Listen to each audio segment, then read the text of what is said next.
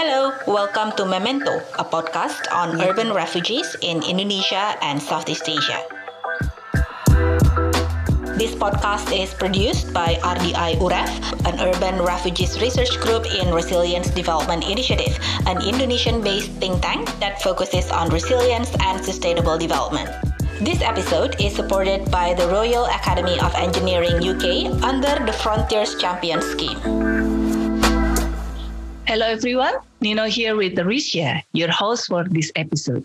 Today we have Andrea McCoy from Anglican Diocese of British Columbia in Canada. Andrea McCoy is the Refugee Sponsorship Program and Community Engagement Coordinator of Anglican Diocese of British Columbia based in Canada. She has worked with the Anglican Diocese in refugee sponsorship for two years and has facilitated trainings for local citizens submitted application for over 200 people and has been honored to see families reunited and refugees given a welcoming and safe place to live in Canada. Then today uh, we will we want to know about your organization and what is um, organization doing actually regarding uh, refugee uh, resettlement in Canada. Uh, but before that, of course, we want to know about uh, your personal introduction. Yeah, please uh, introduce yourself and also organization introduction. I actually grew up in the United States and started working with refugees uh, in my early 20s, um, particularly with uh, refugees from the Middle East and North Africa. I would teach them, tutor them, uh, go uh, to their homes and do in-home visits and that. But it wasn't until I had been to another country and I was sorely misunderstood. I had made some cultural faux pas and I was gravely misunderstood. It was that experience that made me realize how often cultural misunderstandings happen each and every day. And so when I came back to the States, I knew I wanted to do something to help local citizens and the majority of the population understand newcomers among them. And so I pursued getting my master's degree, which I came to Canada for back in 2015, and received it in the um, intercultural and international communications. It was in that cohort where I listened to 14 different countries' perspectives and gained a lot of insight as to a one narrative or a one story picture and how quite often especially in the states and, and i'm sure this happens in other parts of the world where we live our one narrative and we live our one story and we're not willing to understand or at least listen to what other people have to say but it was from that degree that I began my internship at a local nonprofit. It was a organization that helped newcomer refugees, immigrants, anyone new to Canada. This was the organization to go to. And I was designated as the co-coordinator for the refugee response team, which was a provincial initiative um, in Canada to help facilitate the settlement of Syrian refugees during the the Syrian crisis in 2015 and 16.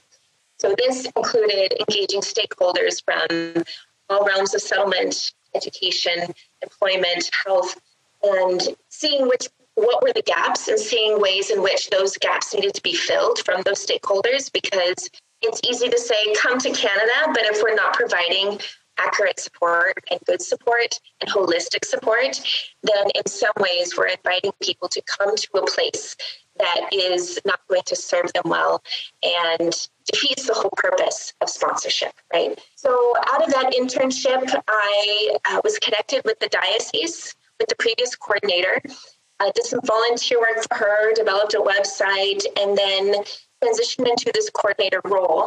And I've been at this role for two years.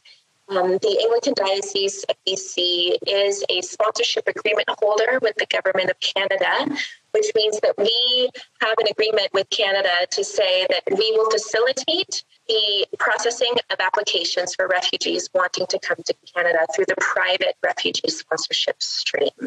So there's many different streams to come to Canada, and this is just one of them. So I've been doing this for two years, and um, in the past two years, have submitted applications for over 200 people. I've had the honor of seeing families reunited. I've had the honor of seeing children thrive and be healthier and stronger. I've seen men and women find dignity again, find autonomy, and that piece is by far the most rewarding piece is to see families who had no chance of survival having these chances presented to them and it's amazing because even in the city of Victoria, there is a lot of generosity. There is a lot of willingness to advocate for and support uh, refugees and to make sure that they are integrating safely uh, with respect with autonomy and with the utmost dignity that they deserve, which was so wrongly taken from them. So, in essence, that's that's a bit of my background and kind of what I'm doing now. Obviously, COVID has shifted a lot of that. It was a community-based program where we would meet. I would meet with families after six months of being in Canada and ask them how they were doing, and would meet with the sponsors and mitigate any kind of conflict or cultural misunderstanding as much as I could. And obviously here we are we're doing this digitally but it's amazing how creative people are in their support and care for one another and we in many ways are informed by the stories and lived experiences of refugees that we don't have any other choice but to survive and so we keep going forward and we keep doing the Zoom meetings and we keep doing as much as we can just so that we can help those who are not here yet and need to be here. That is very, very interesting. Like it's uh, your personal drive to, uh, you have your personal drive to work in this field. And it's not mere a job for you, but also it's from you. yes, yes, absolutely. The, the, rare people, the rare people who lucky to have a, a, job that is in line with what you like and what you want sure. to do. Mm-hmm. Mm-hmm. Exactly. I'm very thankful. Yes. so how about the situation in uh, Canada, refugee situation in Canada in general, and maybe in uh, your city? Definitely. So I'll start on a larger, more federal or national level, and then I'll, I'll try to break it down to my organization. So private refugee sponsorship started in 1979 when refugees from Vietnam had come over during the um, the Vietnamese U.S. conflict, and so it was from that beginning that Canada responded and decided to create a program that enabled local Canadian born citizens to raise money and to welcome families into their home and to provide settlement support for at least one full year. And then after that one full year, then families would be able to do and, and live on their own. So we just passed the 40 year anniversary of that. Um, and since then, Canada, even though it's a drop in the bucket, we are thankful for every drop that we can make in the bucket as far as responding to uh, the global refugee uh, crisis. But Canada has welcomed over 1 million refugees since 1980.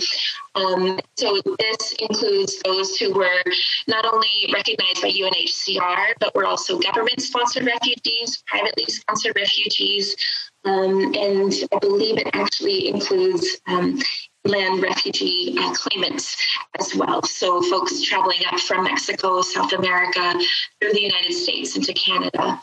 Our organization re- really exploded in 2016 when the Syrian crisis became uh, national news. And all of a sudden, the whole world was paying attention to what was happening. And overnight, we had maybe eight sponsorships before that image of Alan Kurdi had uh, surfaced um, across news media outlets. But after that image appeared, overnight, we had over 200 people just saying, How can I help? What can I do? Strangers, people who didn't know who was living over there or where, but wanted to respond, wanted to do something. And so the Anglican Diocese responded and just said, Okay, if this is what you want to do, let's do it. And so for the past five years, our organization has really just been responding to the needs of the community and the needs of the, uh, the refugees globally. Um, we really haven't had time to be proactive in, in recruiting sponsors and volunteers because really the reality is that the need is forefront and it is right in front of us. And even right now, I get phone calls, emails, folks from all around the globe saying, please help me. Please, here's a family, here's a photo of my family. Can you sponsor them? Can you do anything? Can you send us money? Can you, you know, the needs are absolutely great. Um, and so that becomes difficult because there's only so much you can do, right? The drop in the bucket. Um, and so right now, our program, uh, since we have been a sponsorship agreement holder with the government of Canada. We have um, put in applications for over 800 people. Of those 800 people, 450 have arrived, and there are currently about 350 still waiting to be approved to come to Canada. We are still building our wait list. We have right now over 350 people extending on our 2022 and 2023 wait lists. Um, and these are people who came to us just saying, hey, I have a group of people that want to support and sponsor a refugee. Let us know when there's a space open to us. Because how it works in Canada is uh, the government of Canada has a, a global cap allocation where they are only committed to a certain amount of spaces to bring people over to Canada every year, right? And I think the U.S. might have this cap, and other or, other countries like Australia and others who are adopting this private sponsorship model. From that cap, that basically limits each organization like ours to how many people we can put in applications for. So it's based on the history of your organization, how well you've done in sponsoring a family. Did you take care of the families? Were there any complaints? Did you abuse anyone? No. Okay, you can support, sponsor more people. And so last year we submitted applications uh, for 186 people, um, and this year we're looking at about 100 to 140 people uh, to sponsor. And, and it's key to remember that over 50% of the people that we sponsor are children. So the global refugee um, numbers do reflect that there is it, it's more than half our children that are being sponsored. And so uh, it's really key when we look at training people to help and equipping volunteers because often I think there's a lot of pieces to settlement, and the children sometimes can get neglected along the way. So we really have to keep all the demographics and all the people um, in in our minds when we are serving them. What is the qualification for someone to sponsor, for private sponsorship, to become a sponsor? What is the qualification and responsibility after uh, the family they sponsored arrived in Canada? Very good questions, yes. So, in order to sponsor through the private refugee sponsorship stream, there are a couple ways to do it. So there's there's three different models, um, and I'm one of them. And and it is we are the sponsorship agreement holder or the SAH, which is kind of a, a quick way to say that.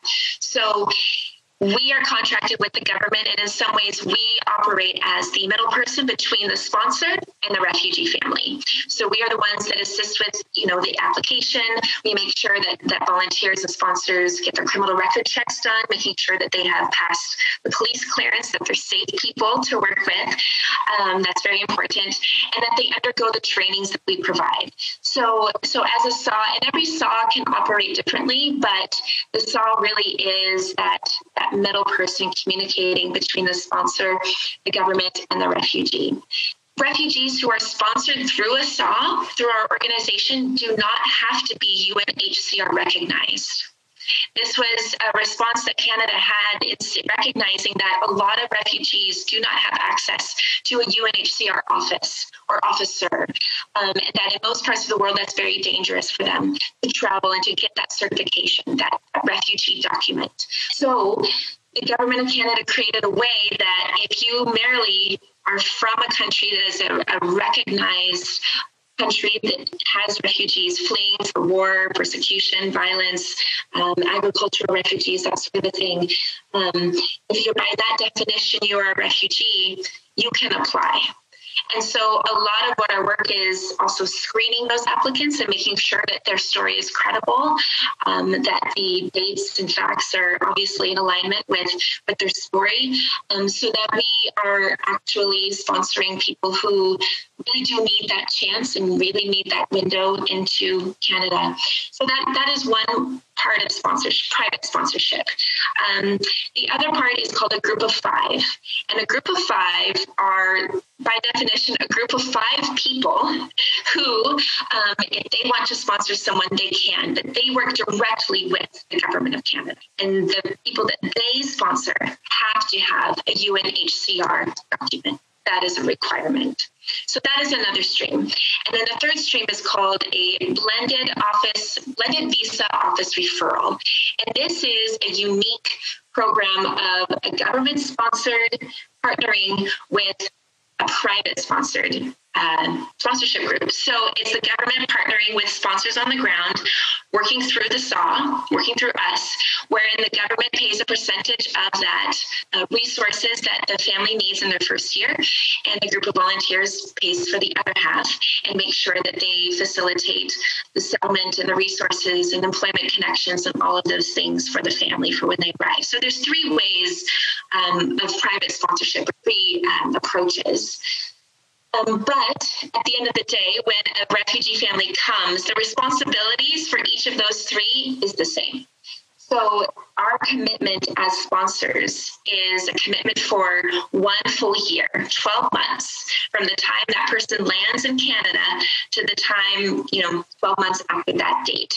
And in that time, they are expected to connect the families to settlement agencies. Uh, these settlement agencies are quite often contracted with the government of Canada to provide ESL training, which English language training, um, employment workshops, community work um, events to, to get people connected and plugged into other people within the community. So that's one part. Um, sponsors also have to find housing, and not just any kind of house, a sustainable house, a house that they can efficiently pay for in their first year, and then potentially hopefully they can continue paying that rent in that place um, for after the first year. Because to move again that is a lot on a new family. Um, so housing is is also responsibility. Employment connections. The government of canada asks that we connect them to resources, whether that's more training, whether that's um, making sure they can get a job or getting the uh, resources to obtain a job. Um, it is not required that someone is employed at the end of their first year. The reality is that a lot of people are adjusting to a lot of different things, right? Language, culture, um, everything, smells, sounds, unspoken expectations so, but a lot of people that do come want to have that job because they haven't been working for a very long time and it feels good. It feels good to provide for your family and to have that position and that agency to do what you want with your own money, right? And then the last thing is education, making sure that children are connected into the schools, making sure that you know, if they need assistance or tutoring or things like that, that they are given that. If there are younger people being sponsored, that they have opportunities to pursue higher education or, you know, a trade school if they wanted to do that. So sponsors are really responsible for one full year of making sure that families are completely connected to all available resources around them. And it's key to know that our organization makes sure that the responsibility is not to tell them what to do, not to dictate to them what they should and should not do, which can be the tendency when you have done all this hard work and you've raised all this money and it's my money, but it really isn't their money. It's easy to have that upper hand and that power imbalance. But we really try to stress it to our volunteers that this is about them. And if they want to smoke, if they want to, you know, get bicycles for their family or or or buy a bigger TV, that's their decision and they are allowed to do that that it is not our job to control their lives but to enable their lives and to strengthen their lives and to make sure that when they're in Canada that they have a community that is safe and welcoming it may not be home for them, but that's not what we're trying to do for them. Um, because home is a word in and of itself that can only be defined by each individual person. But if we can provide a community that's safe and welcoming and empowering, that's the goal at the end of the day. Very interesting. Sometimes there are um, people come with good intention to help to sponsor and then in the middle of the way uh, before uh, one year pass they feel incompatible with the family or the person that they sponsored what will happen after that because it's human relationship and human yes. relationship is very complicated sometimes yeah. It is it is yes.